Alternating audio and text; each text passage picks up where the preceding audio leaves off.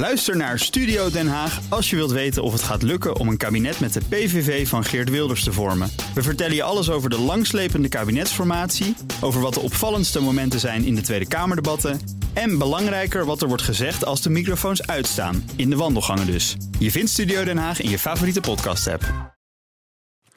BNR De Wereld. Blik op Europa.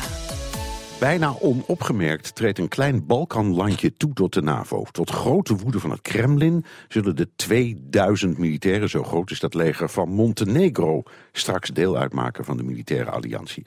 Europa-verslaggever Jesse Pinster, hoe dicht is Montenegro bij dat lidmaatschap? Nou, zo dicht dat ze eigenlijk al aan tafel zitten. Het enige is dat ze nog niet mee mogen beslissen. Dat mag pas als alle andere NAVO-landen ook ingestemd hebben, geratificeerd hebben. Nou, er zijn er nog vier die dat moeten doen. Canada, Nederland, Spanje en Amerika. Nou, het debat hierover in december in de Tweede Kamer gaf al aan dat eigenlijk alleen de SP tegen is. Dus in Nederland gaat dat wel goed komen. Er zijn nu vooral zorgen over Amerika en Montenegro. Die hebben geprobeerd om, voordat Obama vertrok, dat snel allemaal te regelen. Nu zitten ze met een nieuwe president. Zijn er toch wat zorgen over? Nou zijn er vandaag wel Amerikaanse diplomaten in Montenegro zelf... die laten weten via Euractiv, een uh, site met Europees nieuws... van dat gaat allemaal goed komen.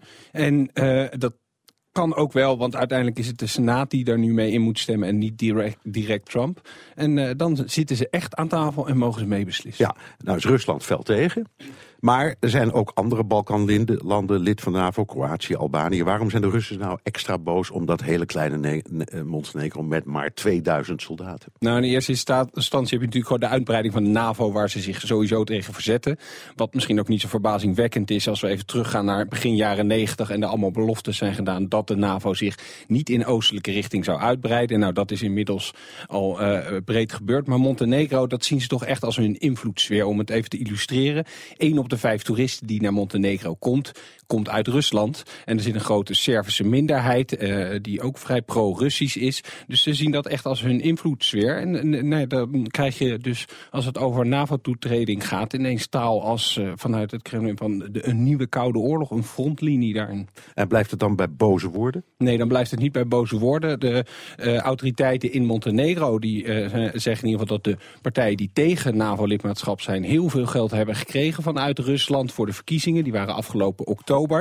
Maar het meest extreme verhaal is wel over de mislukte coup. Die zou op het laatste moment tegengehouden zijn. Maar Russische geheime diensten samenwerking met Serviërs... zouden van plan zijn geweest om de premier die er uh, toen nog zat... Uh, die is afgetreden na de verkiezingen, om die te gaan vermoorden. Ze zouden het parlement ingaan en hem gewoon gaan vermoorden. Nou, daar is zelfs een internationaal arrestatiebevel inmiddels ook uit via Interpol. Want wie wordt er nou gezocht? Dat is Eduard Shiro...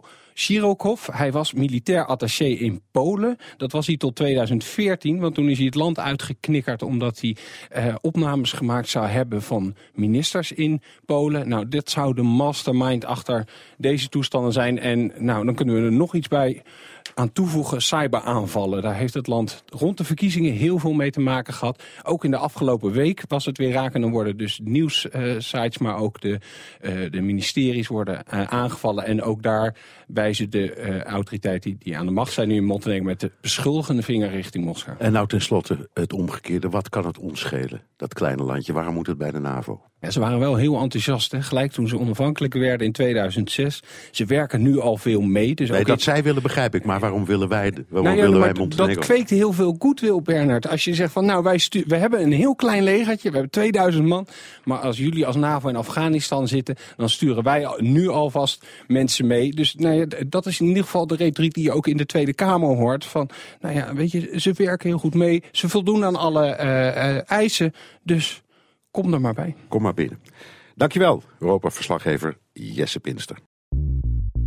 Bij BNR ben je altijd als eerste op de hoogte van het laatste nieuws. Luister dagelijks live via internet. Bas van Werven. En heel langzaam komt de zon op rond dit tijdstip. Je krijgt inzicht in de dag die komt op BNR, het Binnenhof in Nederland en de rest van de wereld. De Ochtendspits. Voor de beste start van je werkdag. Blijf scherp en mis niets.